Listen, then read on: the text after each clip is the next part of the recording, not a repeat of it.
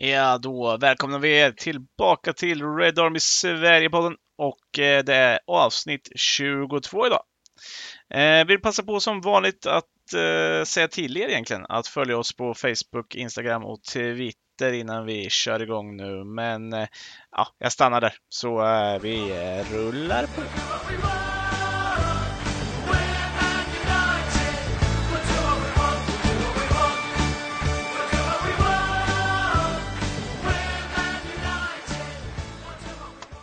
Ja, då var det en ny vecka, nytt avsnitt av Red Army Sverige-podden och jag har som vanligt med mig Adam Stenberg och Mikael Krekkola. Välkomna grabbar!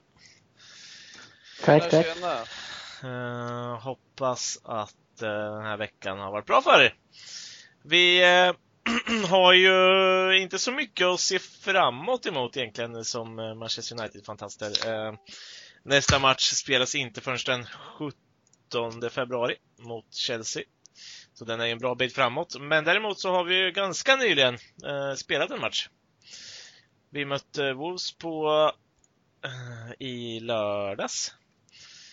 Eh, mm. Och eh, en, eh, en 0-0 match. Där vi dels har en eh, debutant, ett nyförvärv i Bruno Fernandes. Vi håller ytterligare en nolla. Men vi, vi har ju också det här problemet då att vi inte gör några mål framåt.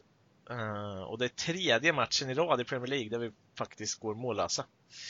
Och det kan väl jag tycka är ett problem i alla fall. Jag vet inte vad ni, vad ni säger om den pucken. Mm, jag tycker att det stora problemet med det tycker jag att vi, vi skapar inte direkt någonting. Uh, till exempel nu senast mot Wolves så vi skapar egentligen inte en enda riktigt, riktigt bra målchans tycker jag. Ja, det så väl... det, är väl, det är väl det stora problemet. Det är väl Dalos i så fall som kan ses som en... Ja, ja, exakt. Den kan man väl räkna. Men enligt expected goal så skulle vi gjort 0,86 mål mot Wolves. Mm. Och det är väl inte riktigt okej. Okay. Wolves skulle gjort 1,14 eller något sånt. Jag kommer inte ihåg, jag kollade snabbt för någon dag sedan. Mm. Men det, det, är väl det stora problemet. Men det är också, det är klart. Vi saknar Rashford. Vi saknar hans målfarlighet. Och så saknar vi en, en naturlig striker, en naturlig målskytt. Mm. Så att det är, ja, plus en jävla massa andra saker som kreativa krafter från mittfältet. Det är fortfarande ett problem. Ja. Bruno förmodligen kommer, kommer göra United bättre där så gjorde han inte riktigt det den här gången. Av olika. Och, och eh, jag kan väl tycka att återigen då att Daniel James inte riktigt kommer till till någon större nytta i den här matchen heller. Han springer och han kämpar och, och lite sådär, men han har det rätt svårt alltså. Och, och samma sak med Martial. Jag tycker att det mycket hänger på, på den där trion som blir där framme. Och jag tycker ändå Mata gör en helt okej okay insats, eh, sett till att han försöker skapa lite. Men, men, eh, men vi får ju inte riktigt igång något, något så eh, anfall. Det är Mata har vi nästan vår näst bästa chans va? Med det där skottet som han lyckas få iväg. Ja, men vi, vi har ju inte något riktigt grundspel. Så att vi, det liksom, ska någonting hända, och så har det varit hela säsongen, då, då är det individuella prestationer och det är därför Rashford blir så viktig. Mm. För att han är den spelaren som är bäst offensivt. Och när han saknas, när Pogba saknas, ja, då hackar spelet. För att det inte finns någon riktig grundtrygghet där i hur man ska spela, hur man ska hur man ska agera på planen. Ja, och det saknas det, tillräckligt mycket individuell kvalitet också då. Ja, exakt. Och då, och då kommer inga, då kommer inga bryt, banbrytande grejer som kommer utan det, man spelar runt bollen och hoppas på det bästa. Men det händer inte så mycket.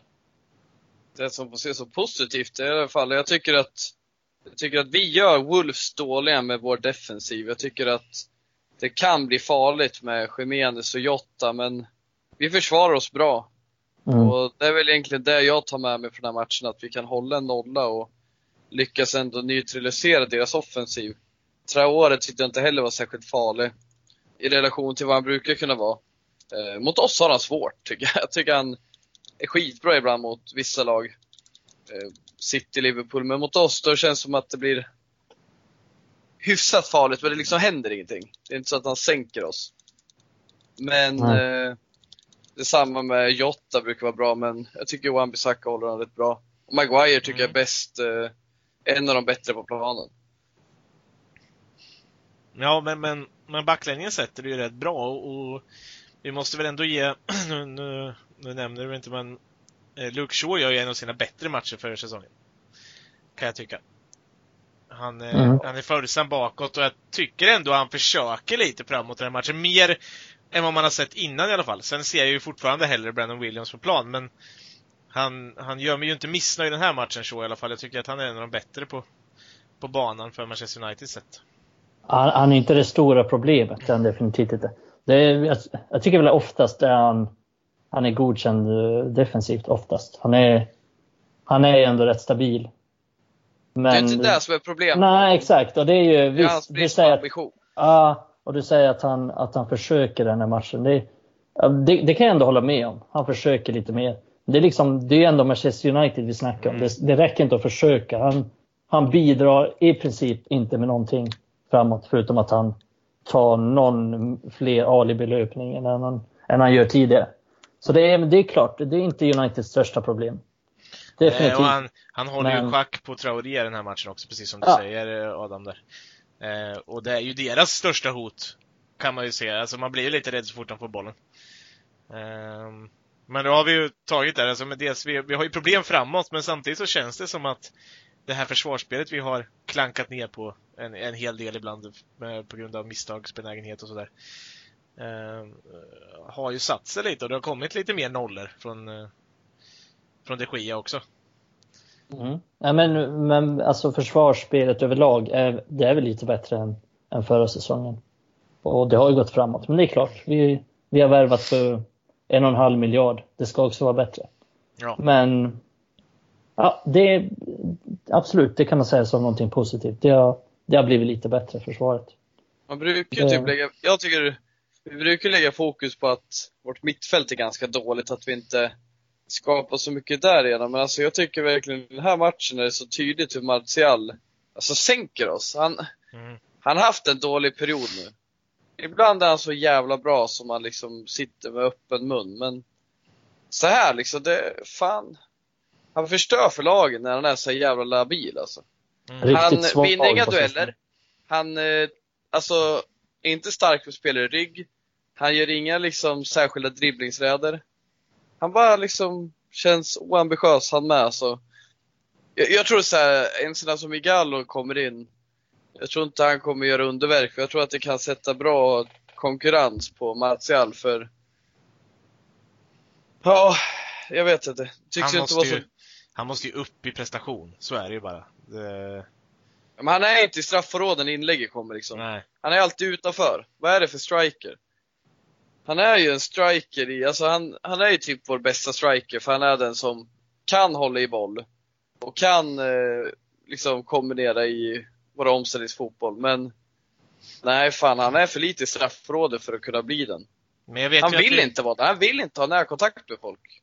Han vill ha boll, spelaren backandes och dribbla. Men det kommer han inte till gratis. Nej, och han är ju som bäst när han blir mycket involverad i spelet. Och för att han ska vara där som nia så måste han ju röra på sig mycket. Och jag tycker att han rör på sig för lite. Däremot så vet jag, jag, skrev det i gruppen så, jag tyckte överlag att första 30 kanske i den här matchen, att spelarna löper mycket mer. Alltså, även offensivt. Det kändes som att det var, rörde runt på eh, och, och, liksom, positionerna. Det rördes mycket. Jag tyckte till och med Martial sprang ganska mycket och slet och kämpa. Men sen så mattade sig där av. Och så var Ja. vi tillbaka till det där, där han står ganska statiskt. Han får liksom, när han till och med får bollen utan att han har någon speciell jättenära sig i ryggen så, så får han någon dålig touch och så försvinner den iväg. Jag tror han var den spelaren som tappar mest bollar på grund av dåliga eh, bollbehandlingar. Eh, Eh, det, det du förklarar nu Jonas, det upplevde jag med och jag skulle kunna säga att Alltså jag kände att första 30 minuter, att Bruno när han kom in, han fick väldigt mycket boll. Mm. Tog väldigt, eh, han, eh, han fick igång spelet jävligt mycket. Enkla pass, passa tillbaka direkt och liksom höll igång bolltempot. Lite som Pogba gör när han kommer in. Helt plötsligt så vet folk att här har vi någon som vill lira och någon som kan tänka smart och kombinera. Mm. Sen mattades just det där av och det är ju sånt man har saknat när inte Pogba varit med. För vi har spelare som inte vill göra något med bollen. Mm. Pogba och Bruno, de söker den hela tiden och rör sig liksom. Så det är ju liksom, varför sluta vet jag inte. Men bara att Bruno kommer in så blir det ju lite mer, det blir lite mer dynamik. Det blir lite roligare för Matt att spela. Alltså, Fred har ju varit bra den här säsongen, men det är också väldigt mycket touch på honom. Det är inte så att Mm. han håller, håller igång bolltempot direkt. Nej, men han, snarare tvärtom. Han ska vi ha för att vinna boll. Och där är han ju Absolut. bra. Där är han ju superbra. Absolut. Alltså det har vi ju märkt nu. Han har ju alltid bra statistik när det gäller att vinna bollar. Eh, och, och det är väl det som gör att han får den där eh, utnämnelsen till månadens spelare i United. Eh, är att han vinner så mycket boll. Men, och, men om vi ändå ska avhandla, jag tänker att vi kan lika gärna avhandla Bruno Fernandes debut här då. Jag, och det är precis som du säger. Vi, vi får ju en annan kreativ eh, kreativ- kreativitet i laget. Mm. Alltså när han spelar 10 där. Ser ni hur han byter kant, han går ut och hämtar boll långt ut till höger ibland, ibland han långt ut till vänster. Han är Mm. med och vill vara inblandad i spelet hela tiden. Han Och, är, han är Det- smart. ja, och det känns ju som att Mata faktiskt, som ändå är en smart fotbollsspelare också. Det får man ändå ge den gode Juan. Att han får någon att, att arbeta lite med. För jag tycker att Mata blir bättre när han lyckas kombinera med Fernandes. Sen saknar fortfarande Mata för mycket kvalitet rent fysiskt nu för tiden. För att vara sådär bra. Men, Mm. men, eh, ja, säg att man kan byta ut Mata mot en Pogba. Eh, Och en Pereira mot en, någon annan. Eh, Ja, men vårt mittfält kan ju faktiskt se rätt bra ut. Mm. Och när Pogba och McTominay kommer tillbaks. Helt- Det kan till och med bli svårt för Olle att välja vilka spelare han ska ha på mittfälten. Mm. Ja, alltså, alltså det kommer ju bli svårt för han kommer förmodligen vilja köpa sin 4-2-3-1. Men jag skulle ju spela en diamant med dem. Ja, eh, jag har ju sett lite så här idéer på det där hur man ska kunna spela. Eh, och du har ändå en Matic som har varit bra också. Eh, och ska man spela en diamant så ska man egentligen kunna se Matic som den där sweepern längst bak utav den där diamanten. Mm. Eller Fred. Ja, eller Fred. Men Fred skulle kunna spela en av de där yttrarna också för han orkar springa ut och in. Ja, exakt. Eh, Det ger oss lite alternativ. Också, Precis. så. Och skulle man då kunna ha en eh, Greenwood och en Rashford eller en, en Martial och en Rashford på topp som orkar ta sig ut på kanterna där så, så kan man hitta rätt mycket ändå. Mm. Eh, Men då krävs det ju, som sagt, ska man spela en sån taktik så krävs det ju raka satta linjer hur man ska anfalla. Hur de ska röra sig. Och, och det är ju det vi har saknat även när vi spelar 4-2-3-1. Eh, Men jag tycker att det, det märks ju, om vi ska återgå till Bruno. Bruno är ju, det kommer ju kunna göra skillnad, så är det ju. Eh, Han ger oss ett, ett hot framåt vad det mål och assist. Så att det är klart. Han kommer ju också bidra till att, till att andra spelare får utrymme. Att Mm. göra oss lite mer oförutsägbara. Han är benägen att skjuta också och eh, jag- vet att du Adam lite, lite komiskt har sagt att det är inga spelare som pratar portugisiska som får skjuta i, i, Manchester United. Eh, Men att du nu har ångrat det är dig. över nu. Ja. Ja, Nu är det över. Det är över nu. Det är kul för Fred och Pereira är de två i ligan som har, som har skjutit flest skott. Nästan. Eh, utan att, ja Pereira har gjort ett mål, men utan att göra mål så är Fred en av de som har skjutit flest. Och Pereira gjorde ju förvisso ett turmål, men utöver det så, så är han också den som har skjutit nästan flest skott av alla. Så det är, det de också, skjuter sällan bra de två. Så att det är Adams poäng är giltig. om man ska förtälja något från vår interna grupp så är det väl nästan det som under matcher ibland får mest eh, kommentarer. är ju när Fred eller Pereira väljer att skjuta eller när Fred eh, ställer upp sig för att slå en frispark. Eh, det, Ja, det, fan, det kan störa mig sådana saker. Som, ja, när Fred ska ta en frispark. Han har aldrig slagit en bra frispark. Det är helt orimligt att han tar, alltså, så tar han en frispark liksom för eh, Greenwood som skulle, som tar bättre frisparkar med höger än vad, vad Fred gör med sin vänster. Ja. Så det, Eh, såg ni situationen där också vid den där frisparken som jag tror Patricio och, och eh, klistrade till slut, men Fernandes träffar ju ändå där han vill träffa, bara att han inte är tillräckligt, eh, tillräckligt distinkt. Eh, men eh, Pereira är framme och kallar till sig bollen. Fred står där och vill ha bollen. Och så går Maguire fram och bara skäller ut dem och typ det ser ut som att han typ säger vad fan tror du? Ge bollen till Bruno. ja, det bästa han har gjort som kapten. Det är ingen självinsikt på dem där. Nej. Nej. Och kan vi... Och du vet, om ingen är med och följer upp dem där och liksom säger åt dem vad de ska göra, då löper de med amok alltså. De är ju, alltså, Pereira och Fred, de har inga hjärnor. Framförallt inte Pereira. Och Fred har jag snackat om tidigare, det är en jävla bra bollvinnare, men han är inte särskilt smart. Nej, det är inga, nej, de löser inga världsproblem på planen. Det är inga Nej. kärnfysiker. nej, det, det är det inte. Nej. Så skönt med Fred, eller vad säger skönt med Bruno som kan ta tag i lite hörnor och frisparkar och sånt. Ja, men ändå blir man ju lite arg när Fred går ut och slår hörnorna i den här matchen också. eh, Från eh, högerkanten. Jag ser ju hellre en utåtskruvad hörna. Jag ser hellre att bollkallen på, vid den ja. flaggan tar än Fred går ut dit och tar den. ja. Ja. Eh, ska vi se, så. Eh, Men eh, ja, vi tippade ju den där matchen också. Det gick ju sådär. Gjorde Ja. det? Jag har ingen aning vad jag tippade. Eller vänta nu, vi tippade City-matchen. Det gjorde vi. Så att det var ju ett tag sedan. Men eh, det vart inte rätt ändå. Eh, ni hade 1-1, 2-2 och jag hade 3-1. Men det gick ju, gick ju åt helvete. Eh, Den här matchen tippade vi aldrig. Men jag tror ni sa någonting och eh, jag tror faktiskt att ni... Jag vet inte om du sa 0-0 Mikael. Jag är nästan... Nästan så jag skulle gå tillbaka och lyssna på det här bara för att. Det kan jag nog sagt. Men det, känd, det kändes ju lite som en, en match som vi får vara ganska nöjda med, att det blir lika i ett slut. Eh, att det är inte en katastrof att spela lika mot Wolves. Det är inte den här matchen som bestämmer våran eh, dignitet den här säsongen. Det är väl hur vi spelar lika mot dem i så fall. Eh, att vi, Ja, ja, exakt. Och vad vår tränare säger efter matchen. ja, Till exempel han sa att um, How many teams can break down Wolverhampton? Alltså jävla sjukt. ja, är inte de de Så som har alla- släppt? Så har alla gjort det utom West Ham och Leicester och Leicester har kvar att möta dem dessutom. ja. Leicester kommer ju säkert, säkerligen göra det. så, det, ja, det, är så, det är så märkligt. Och det är det jag sa inför det här avsnittet också. Liksom, de ligger i toppen, men de är ändå inte grymma. Det säger mer om hur jämn den här ligan är och hur jävla gap det är Mm. mellan Chelsea och neråt egentligen. Chelsea är nära oss poängmässigt, men kvaliteten är vi nästan inte ens nära nu. Jo, Nej, det, är- det är men, liksom, så här, men med en annan ledare tror jag vi hade varit bättre än vi är nu. Men samtidigt som det ser ut. Fan, vi ligger sjua nu. Sheffield United klev om oss. Tottenham klev om oss, för de var mot City. Så vi förlorade mot Burnley inför den här, om- inför den här omgången i ligan. Mm. Och nu kryssar vi liksom. Och han säger att ja, men det är svårt att slå Bur- alltså Wolverhampton. Men det är det inte. Alltså han har ju nyss slagit dem i FA-cupen. Det är ju alltså, vad är det för jävla larv?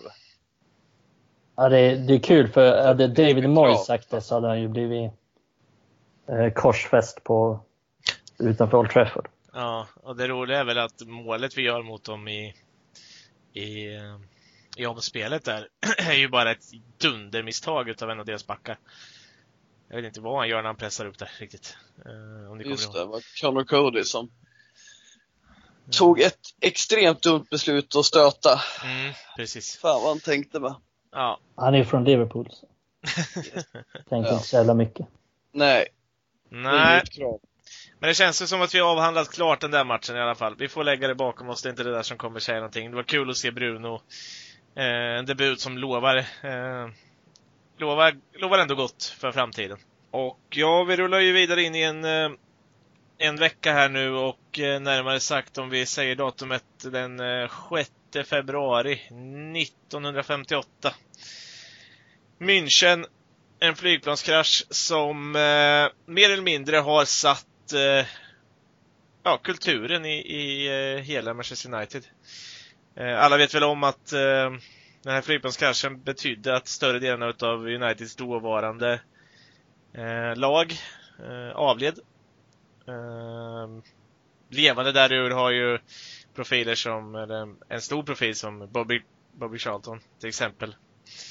Sir Bobby Charlton kommit ut ur. Eh, men det här har ju kommit att, påverka United rätt mycket genom, eh, genom åren. Men vad, vad betyder det vad betyder det även nu, Mikael? Hur, vad har det för liksom betydelse för Manchester United idag? det, det, är klart att det har påverkat mycket. Det, det snackas ju hela tiden om det här kring Old Trafford. Och det glöms ju aldrig bort, vilket det aldrig ska göra. Så att det, man tar hela tiden inspiration från det United gjorde innan och det United gjorde efter. Och det är mycket, mycket kring Busby Babes, hur man satsade på unga, unga spelare. De skulle spela en positiv fotboll. Och det United vann ju med Busby Babes, vann de ligan två år i rad. Ehm, och sen med, med en medelålder på typ 22 eller någonting. Och sen kom ju den här olyckan också. Där man hade tagit sig långt i Europa. Eh, precis tagit sig till semifinal och, och man gjorde det med en, med en väldigt ung medelålder och det är bara att kolla på spelarna som, som gick bort. Det var ju tongivande spelare både för England och för United. Till exempel Duncan Edwards som dog på sjukhuset två veckor efter kraschen när han var 21 år bara. Han var ju den som den yngsta att debutera för England när han gjorde det som 18-åring. Och han var yngst ända tills eh, Michael Owen slog det 1998. Och det är ju alltså det är bara, det är fullt av liksom så här tongivande spelare. Tommy Taylor som dog. Han gjorde näst flest mål den säsongen för United, 22 stycken. Han var också, han var visserligen lite äldre än, än många, då han var 26, så han var ju nästan en veteran i sammanhanget. Men också en sån som, jag tror han gjorde 16 mål på 19 landskamper för England. Så ni ser ju vilken typ av kvalitet som bara försvann. Och um, Billy Whelan gjorde 14 mål, 22 år gammal. Um, så det var ju det var ju väldigt tongivande spelare som som bara försvann och United fick ju bygga upp någonting nytt. Mm. Och det, det gick åt helvete resterande del av den säsongen. Såklart. Eh, United fick helt enkelt låna in massa spelare, ta in massa ännu yngre spelare också från liksom ungdomslagen och sånt. Mm. Så det var men det var ju lite kul att eh, första matchen efter kraschen så vann United mot Sheffield Wednesday med 3-0 i FA-cupen. Och då var det bara eh, Harry Gregg, målvakten, och Bill Foakes, försvarare, som var kvar från elvan. Eh, Bill Foakes gjorde förresten fjärde flest matcher genom, genom all, har gjort fjärde flest matcher genom alla tider i United. Så det är en riktig kulturbärare. Eh, de sa efteråt, spelarna, att det gick inte att förlora den matchen. Alltså det var, helt, det var en sån elektrisk stämning på arenan att det, liksom, det var inte tyst en sekund. Det gick inte att förlora den matchen. Alla, de bara satt liksom i omklädningsrummet med gåshud efteråt. Är det, jag får gåshud bara jag tänker på det. Så det, det, ja, det är jävligt tragiskt och det kunde blivit så jävla mycket av det här. Men United var ju, får man ändå säga, rätt snabba på, på att bygga upp det igen och bara tio år senare så vann man ju faktiskt Europacupen med Bobby Charlton som lagkapten. Och ja, det var jävligt fint. Jag kommer ihåg Bobby Charlton, jag har berättat efteråt hur, hur liksom surrealistiskt och, och stort det var att vinna Europacupen där. Ja, det, det, måste kännas så konstigt för honom att inte göra det liksom med, med alla sina vänner som, som försvann i, i tragedin. Men ja, det säger mycket om eh, om Manchester United som klubb. Och det, det, det är tragiskt men också magiskt hur vi kan se tillbaks på det här och hylla dem och, och se hur bra United som klubb kunde sköta det här och, och få upp slagkraftiga lag igen.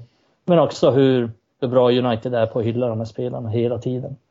Och hur, man har ju själv varit på rundturen på Trafford och de har ju en speciell eh, Münchentunnel dessutom som man kan gå igenom. Och, och det, det läggs ju alltid stort fokus på det. Och det.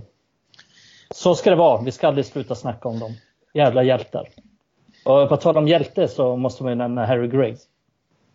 Som faktiskt är en hjälte på riktigt när han målvakten i United. Mm. Som klarade sig rätt, rätt så oskadd. Men gick in i det brinnande planet efteråt. Och räddade bland annat, han räddade en bebis, räddade någon gravid kvinna. Han drog ut flera av spelarna, bland annat Bobby Charlton. Så det säger också något om vilken karaktär han är, vilken typ av människa det är. Som, som var med i det här gänget också. Så det är ett jävla, jävla fint gäng och det är, så, det är så synd att de aldrig fick visa världen vad de kunde uppnå. För att det här laget hade Ja, de hade i princip kunnat vinna Europacupen med en medelålder på 22-23 år, vilket är helt otroligt. Och de, det är nästan bara egna produkter och United hade kunnat vinna så jävla mycket mer med, med dem. Men så blev det inte. Det är spelare som skulle ha blivit ihågkomna för, för vilka spelare de var, mer än, än, än det här, har man ju känslan av. Uh, ifall det inte hade hänt. Uh, många ja, men verkligen. verkligen. Det... Som Duncan Edwards liksom. Vad han hade kunnat blivit om han fick mm. fortsätta spela. Ja, det är helt otroligt. Ja. Bobby Charlton har ju sagt vilken... Han har sagt att det är den bästa spelaren han någonsin har spelat med.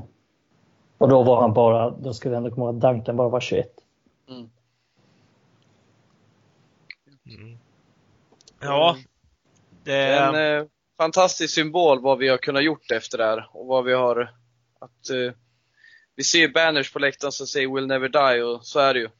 Vi kommer aldrig dö och inte ens en krasch i München fick oss att dö. Och det kommer inte det eländet vi får utstå nu med vår klubbledning heller. Och det är viktigt att fortsätta hylla och eh, ombesörja det här minnet. För det, det är precis vad vår klubb handlar om. Mm. Mm. Jag kommer ihåg. Vi dör aldrig, vi kämpar, vi ger oss aldrig liksom. Ja men exakt, jag kommer ihåg 2008 eh, när United slog ut Barcelona i, i semifinalen i Champions League då. Eh, vann med 1-0, Paul Scholes mål. Och då på läktaren de sista minuterna liksom när, när hela arenan sjöng We never die för att United ska vinna liksom ska vinna Champions League.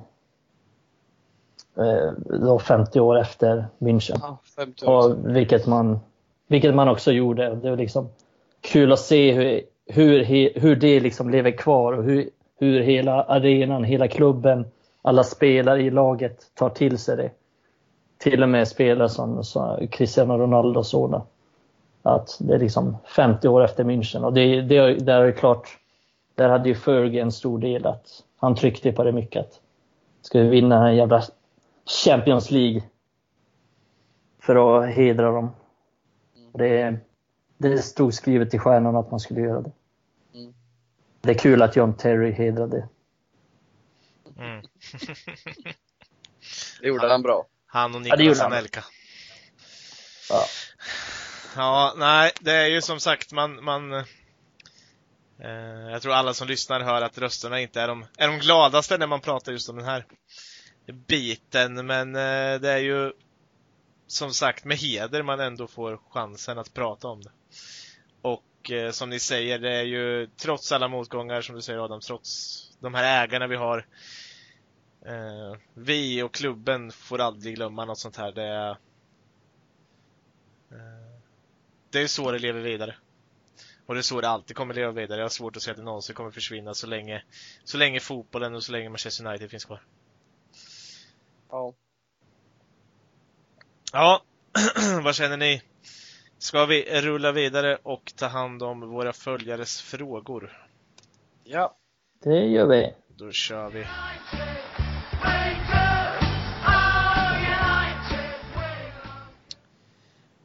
Och eh, ja, frågor har vi fått som vanligt. Eh, och vi tänker någonstans att vi ska börja med att avrunda detta silly fönster för visst har vi fått frågor eh, om det också, eller de här sista minuten värvningen som vi lyckades dra in. Eh, Marcos Rojo försvann ju som en av de här silly och till, tillbaka till Estudiantes och till att Rojo försvinner så, så tror jag det var Mikael som gav oss en skål.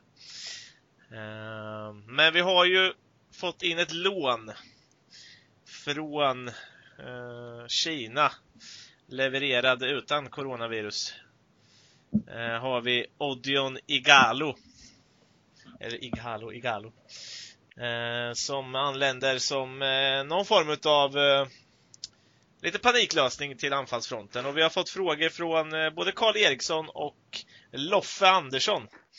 Ehm, där Loffe frågar vad vi tror att eh, Igalo kan tillföra och eh, där Karl vill veta om vi tror att Igalo kan slå sig in i startelvan.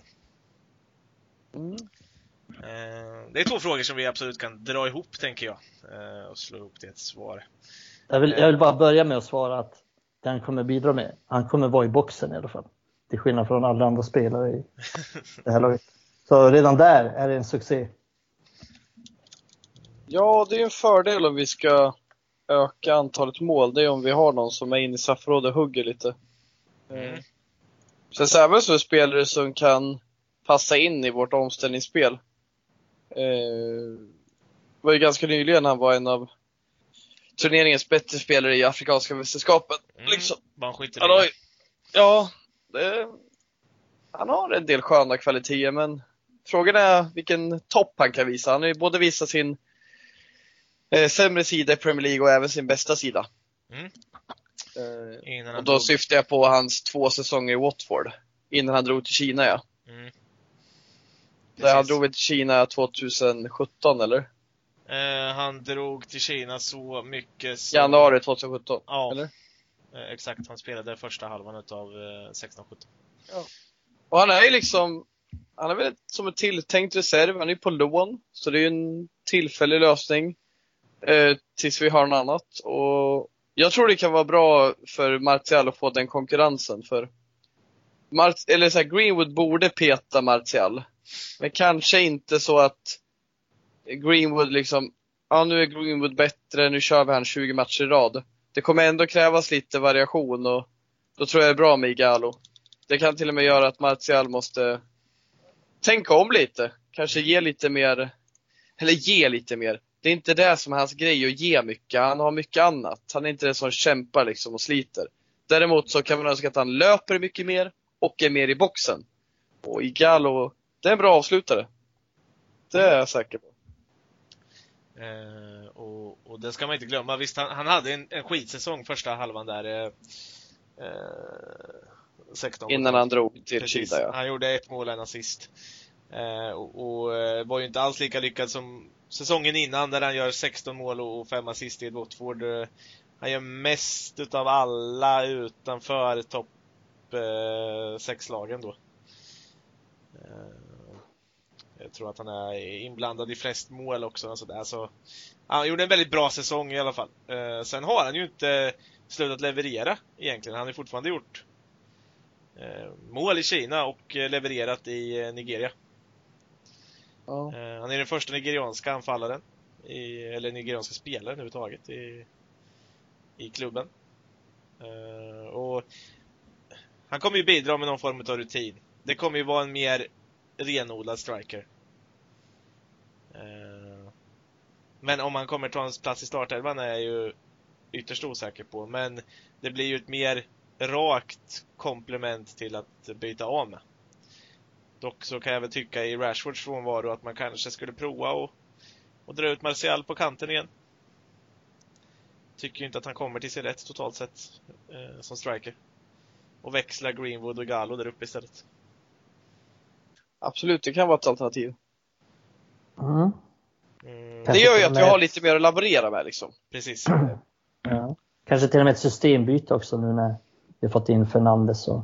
Får till, kommer få tillbaks McTominay och Pogba så småningom. Mm, precis. De, eh, eh, har ni läst reabrummet som kom ut måndag morgon, eller måndag lunch? Så, mm. eh, så är det ju februari, eller slutet januari, eh, februari där. Först var det ryktet att Pogba skulle kunna vara tillbaka redan mot Chelsea. Men eh, tydligen så har det väl inte gått tillräckligt fort. Det var väl lite lycko, lyckotankar, men han ska kunna vara tillbaka eh, någon match, eh, kanske efter Chelsea i alla fall, en till två matcher efter det. Eh, om allting fortsätter som det ska. Man vet ju aldrig. McTominay är fortfarande lite oklart, men han har åtminstone börjat gå igen. Eh, så det är bra. Det är en fördel om man ska spela. Han eh, drog ju ut en video på, eh, på Instagram tror jag det var där han filmar att han går igen på matta och grejer. Så mm. att enligt Ole är de inte långt ifrån grästräning i alla fall.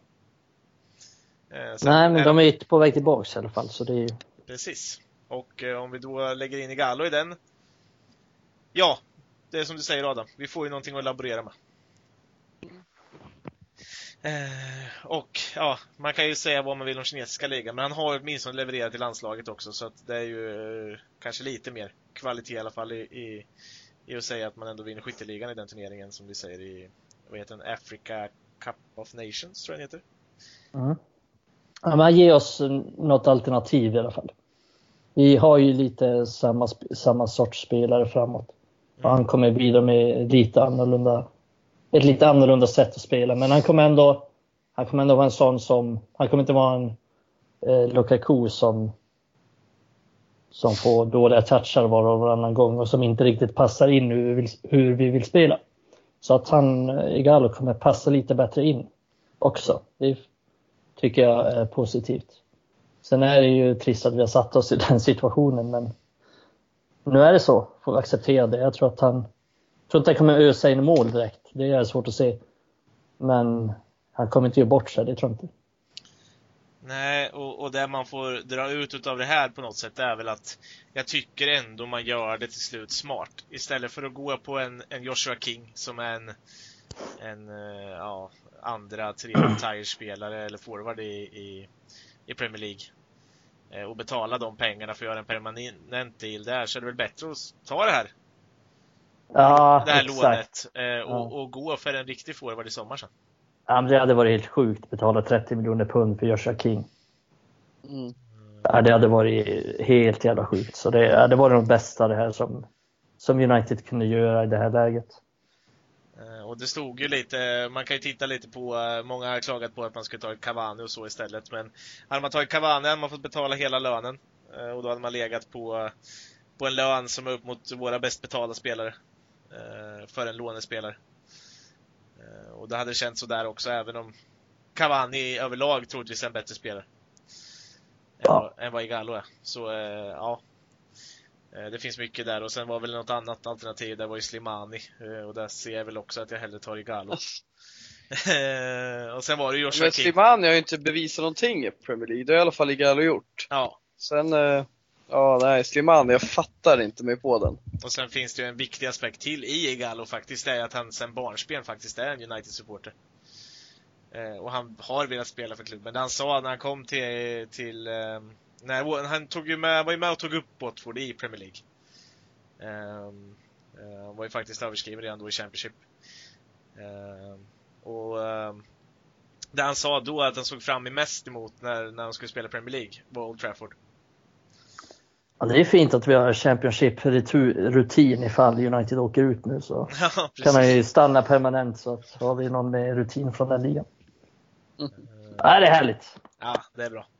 Eh, ja, det är vad vi tror om Iga, Odion Igalo. Eh, vi flyttar vidare till eh, nästa fråga. Eh, ja, vi har ju väldigt mycket sånt här om, eh, om, om saker vi faktiskt har eh, ordat om precis nyligen och eh, en av de här eh, frågorna eh, Kenneth Ska vi se så att jag uttalar det här rätt också. Ljungars kanske man säger. Eh, du ställer frågan om eh, vad som... Eh, jag läser. Om vi ska köra med fembackslinje i framtiden skulle man kunna tänka sig AVB som den högra mittbacken. Eh, det var precis det vi pratade om i, i förra podden. Eh, så att om du bara backar eh, ett steg bland alla våra poddar eh, så har du har du precis det svaret där. Där vi faktiskt, eh, Adam laborerade runt lite och ville se en annan uppställning och eh, drog fram den här idén precis som du har. Så att eh, backa ett steg bara så, så ska du få höra det svaret. Eh, och då flyttar vi istället över på Ja, det, det är ju en fråga som är svår. Eh, men, eh, och alla kanske inte håller på eller håller med om. Men eh, eh, Stefan Lundström drar iväg frågan. Det blir tydligare för varje match att eh, Victor Nilsson Lindelöf inte är en långsiktig partner för eh, Maguire. Eh, som faktiskt ser bättre och bättre ut, säger han också. Eh, ska vi istället satsa på något eget som Toran Sebe eller ska vi värva utländskt eh, slash inhemskt? Eh, och då ger han förslag på Koulibaly, ja, Louis Dunk drar han upp också. Eh, Nathan Akia, Issa Diop till nästa säsong. Och där, vet- där vet jag väl vad du har för tankar Mikael. Mm. Ja, jag vill aldrig vara en stor Lindelöf-förespråkare direkt. Däremot är jag en större Transebe-förespråkare. Men eh, problemet är att Transebe är skadad hela tiden. Mm. Så det är, det är frågan hur mycket det går att räkna med honom eh, annars hade jag gärna sett Transebe få chansen, men som sagt, alltid skadad. Eh, vad gäller värvningar så, så tror jag väl inte heller att Lindelöf är en långsiktig liksom, startspelare. Om United ska, ska vinna Premier League, ska vinna Champions League, då ser jag inte Lindelöf som en, som en långsiktig startspelare. Däremot, jag, jag kan inte uttala mig allt för mycket om värvningarna för att jag, för att jag inte följer dem hela tiden. Men Issa Diop som man nämner i West Ham är, det är ett råämne som har hög potential, men som inte Mm. riktigt haft jämnheten. Men så kan han göra saker som i senaste matchen för West Ham där ja, ställde till Ja, men rätt. exakt. exakt. Lite djupa dalar, men, men har höga toppar som har gjort att till exempel Mourinho har varit intresserad av honom. Eh, ryktades lite till United också i somras, men. Eh, nej, jag kan inte uttala mig om någon riktig, så här, någon riktig ersättare där, men jag tror inte att Lindelöf håller. Eh, I Transebe vet jag ju att han har enorm potential, men som sagt, han måste vara skadefri och han kan inte visa det innan han har visat att han kan hålla sig skadefri. Det är hans största nackdel just nu och det är Lindelöfs största styrka just nu, att han sällan är skadad. Mm. Har Adam något att tillägga? Jag tycker Koulibaly vore spännande att se såklart. Dock jävligt dyr, så det är ju frågan.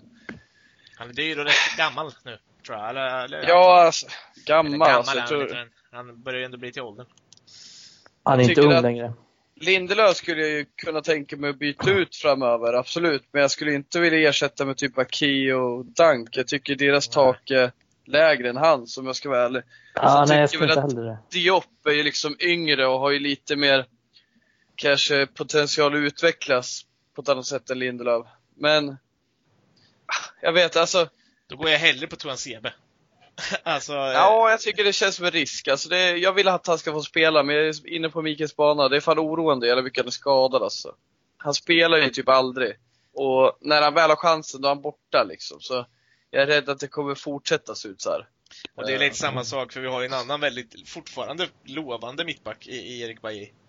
Eh, men som också har samma problem. Och det är exakt samma problem där. Ja. Eh, Och där är väl det som jag tror du har sagt ganska många gånger tidigare, Mikael, att, att Lindelöfs styrka är ju att han aldrig är borta. Ja, ja men exakt. Det är...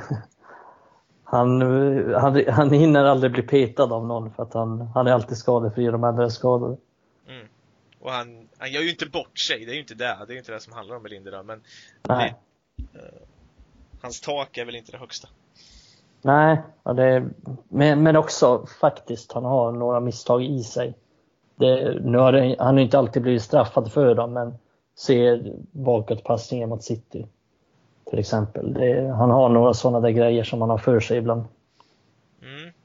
Och eh, ser inte ut att gilla hög press, faktiskt. Alltså, det, han har en tendens att, att skicka bollar fel. Ja, det är Liverpool. Då såg det inte bra ut där på Anfield. Då Nej. sprids det bollar från mittbacken som skulle vara så bra med bollen. Ja, och det är väl bara att kolla det här målet som blir bortdömt, som är omdiskuterat med, med van Dijk där. E- Efteråt så har ju faktiskt Lindelöf bollen och kan skicka iväg den där. Men, men lyckas ju inte få iväg den mot en Ja, ja, men exakt. Det är lite de sakerna jag menar med bakåtpassning mot City. Och den situationen, bra att du tar upp den.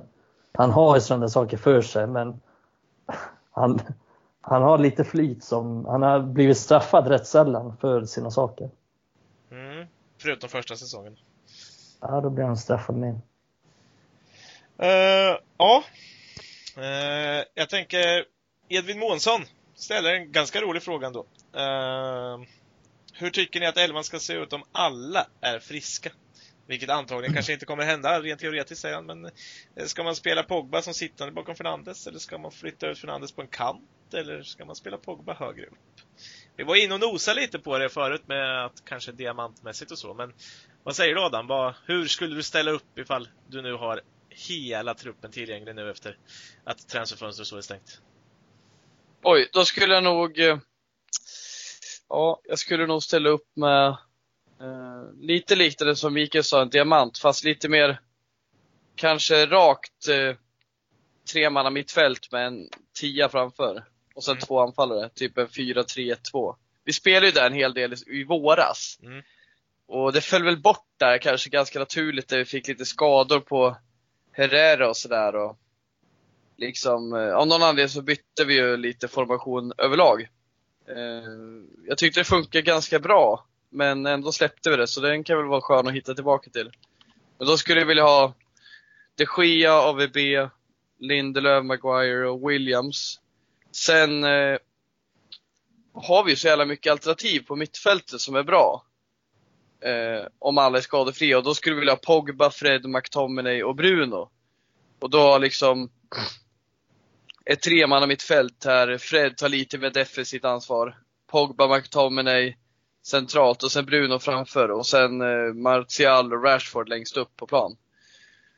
Eh, tror vi skulle kunna få upp mer spelare längre upp i planen, två anfallare som går i djupet. Vi kan ändå hålla i boll så vi inte liksom blir för tunna eh, på mittfältet. Dock nackdelen ser vi här är att vi är så begränsade med våra ytterbackar. Mm. Så de är inte tillräckligt bra offensivt. Williams är bra, men han kan ju fortfarande utvecklas där med. Han är inget problem i det här fallet, men vi behöver två riktigt vassa ytterbackar tror jag för att det här ska bli eh, få någon effekt på den här taktiken. För med två centrala anfallare så kommer vi tappa bredden. Särskilt om de stannar kvar hemma. Det kommer ju krävas mycket mycket strikta riktlinjer dit. För att om man tittar så, det var väl lite sådär som Pogba spelade eh, mycket i Juventus. Han, han spelade lite till vänster på ett centralt mittfält och hade rätt mycket eh, frihet i att gå ut åt vänster också. Och det ser man ju på plan att han gillar att vara där ute. Eh, och därifrån kunna vägga sig med en forward, säger Rashford. Eh, då måste det ju vara mycket strikt att de andra följer med in i box också. En McTominay måste ju nästan hela tiden orka in. Exakt, alltså i matcher där vi körde 4-3-2 i våras.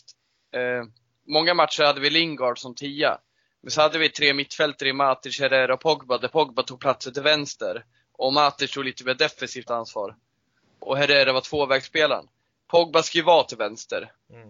Eh, inledningen på säsongen var han till höger liksom, när han var sittande mittfältare. Och han är inte lika intressant där. Han gör sig inte lika mycket till höger, så vänster ska han vara i, absolut. Och man vill ju inte peta Pogba eller Bruno. Så, fan, det är svårt att få till den här uppställningen. Mm.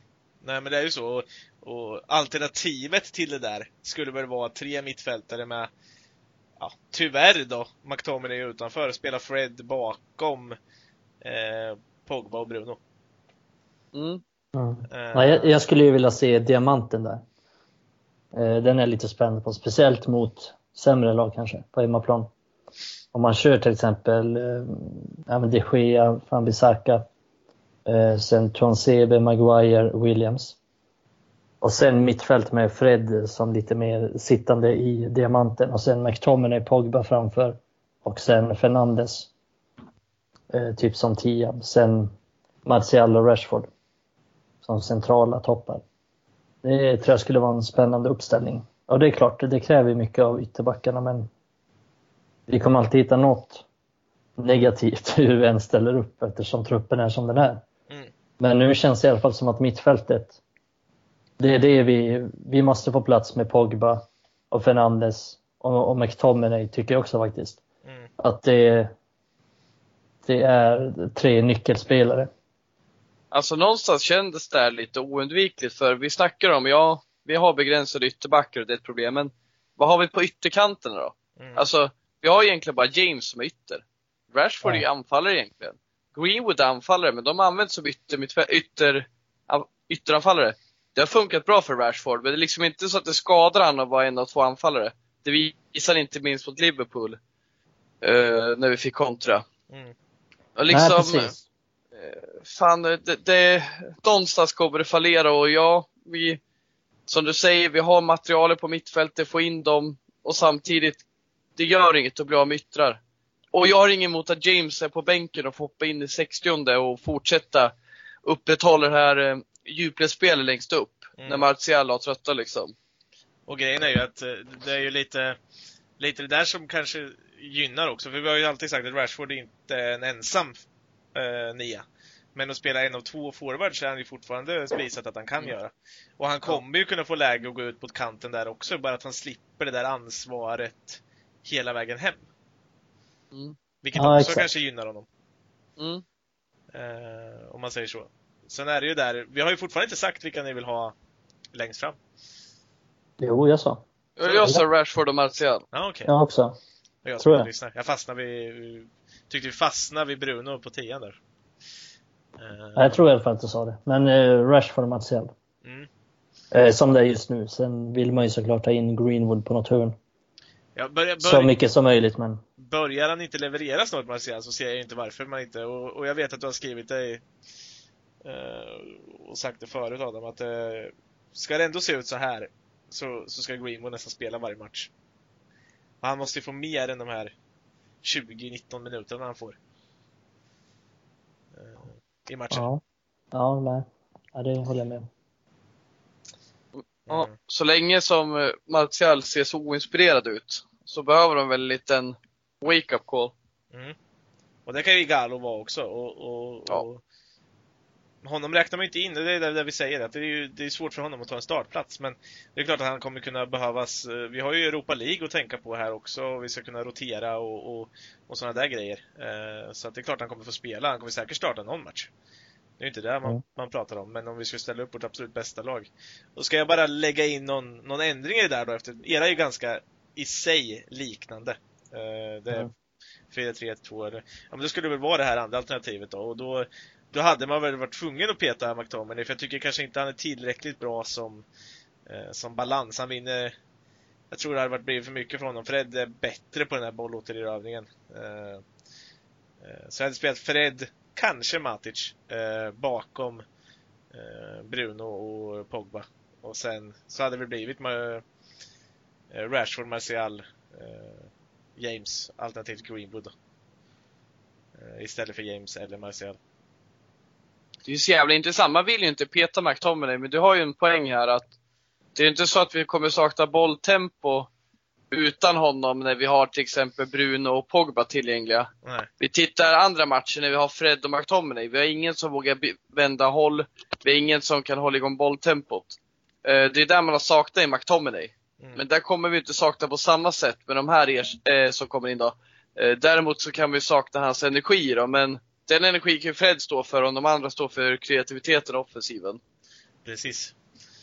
Och det är fortfarande så att eh, tittar man till exempel Bruno Fernandes, han är ju inte rädd för att lägga ner löpmetrarna för att jobba lite hemåt heller. Eh, Nej, det gillar jag med honom. ja, Han är och- grisig. Han Men- vill... Eh, fan, jag blev glad när han, när han eh, klappat till eh, Moutinho sådär. Ja, men det är fan, samtidigt Ja. så mådde jag lite dåligt för jag tänkte okej, där rök de miljonerna. Nu blir han av med fotleden. Mm. Men eh, jag gillar att han visar liksom, hit kommer ingen och jiddrar. Det, det är fan stål i honom. Det är ingen jävla fåne som alla andra jävla deadwoods i den här truppen. Nej, och det bästa med det här, måste jag väl ändå säga, det är att jag ser inte, jag ser inte tillstymmelsen till Pereira i den här beräkningen, när alla är friska. Nej, och det kanske är det bästa jag har hört på länge. Ja. Eh, och det, det gillar vi. Eh, vi har några minuter kvar att avhandla någonting. Eh, vad säger vi om... Eh, ja, den där var ju, var ju rätt rolig, men... Eh, eh, ja. Det här skulle man väl kunna ta. Det, det är väl svårt att, att, att, att svara eh, helt och hållet på den. Men eh, hur, hur lång tid kommer det kunna ta innan United kommer prestera som de gjorde förr i tiden? Och tror vi att de skulle kunna göra det? Det känns som vi har svarat på den här frågan någon gång. Ja, men det var ganska länge sedan och det har ju ändrats lite. Uh... Det beror ju... Jag, jag säger precis samma sak som jag sa sist. Det tar fem år innan vi är på benen och kan eh, börja vinna Premier League igen. Det kanske tar tre år innan vi kan konkurrera. Det kommer ta tid. Mm. Och vi har en jävla mycket spelare fortfarande att skeppa ut och ta in. Och till exempel Pogba vet vi inte som är kvar i sommar. Ersätta den kompetensen. Vi kanske behöver en tränare med lite ambitioner som tar oss till eh, Premier League-titel. Eh, fem år, räkna med det. Och bli inte ledsen om det blir på annat sätt. Tyvärr är det så. Det beror lite på vad man gör också. Mm. Det, fortsätter klubben som de, som de gör nu, då kan det fan ta hur länge som helst. Liksom, vi, det händer inte så mycket. Solskjaer sitter ju fortfarande kvar fast han inte presterar. Eh, vi har fortfarande inte tagit in någon director of fotboll. Så fortsätter det så här, det kan ta exakt hur länge som helst. Det är, varför skulle United bli bra igen om de inte gör saker rätt? Det finns inget som... Nu är jag negativ, men det är, det är inte så jävla mycket som tyder på att United är på något rätt väg. Vad, vad gäller tränare eller ledningen eller, eller så. Faktiskt. Men skulle saker börja göras rätt och virusen, Woodward och Glazer försvinna, ja då vet man aldrig. Eh, och saker börjar skötas på rätt sätt. För det, vad tog det för Liverpool? Tre år, fyra år? Så länge tog det inte. Det, gör man saker rätt så kan det gå snabbt. Men det ska göras också.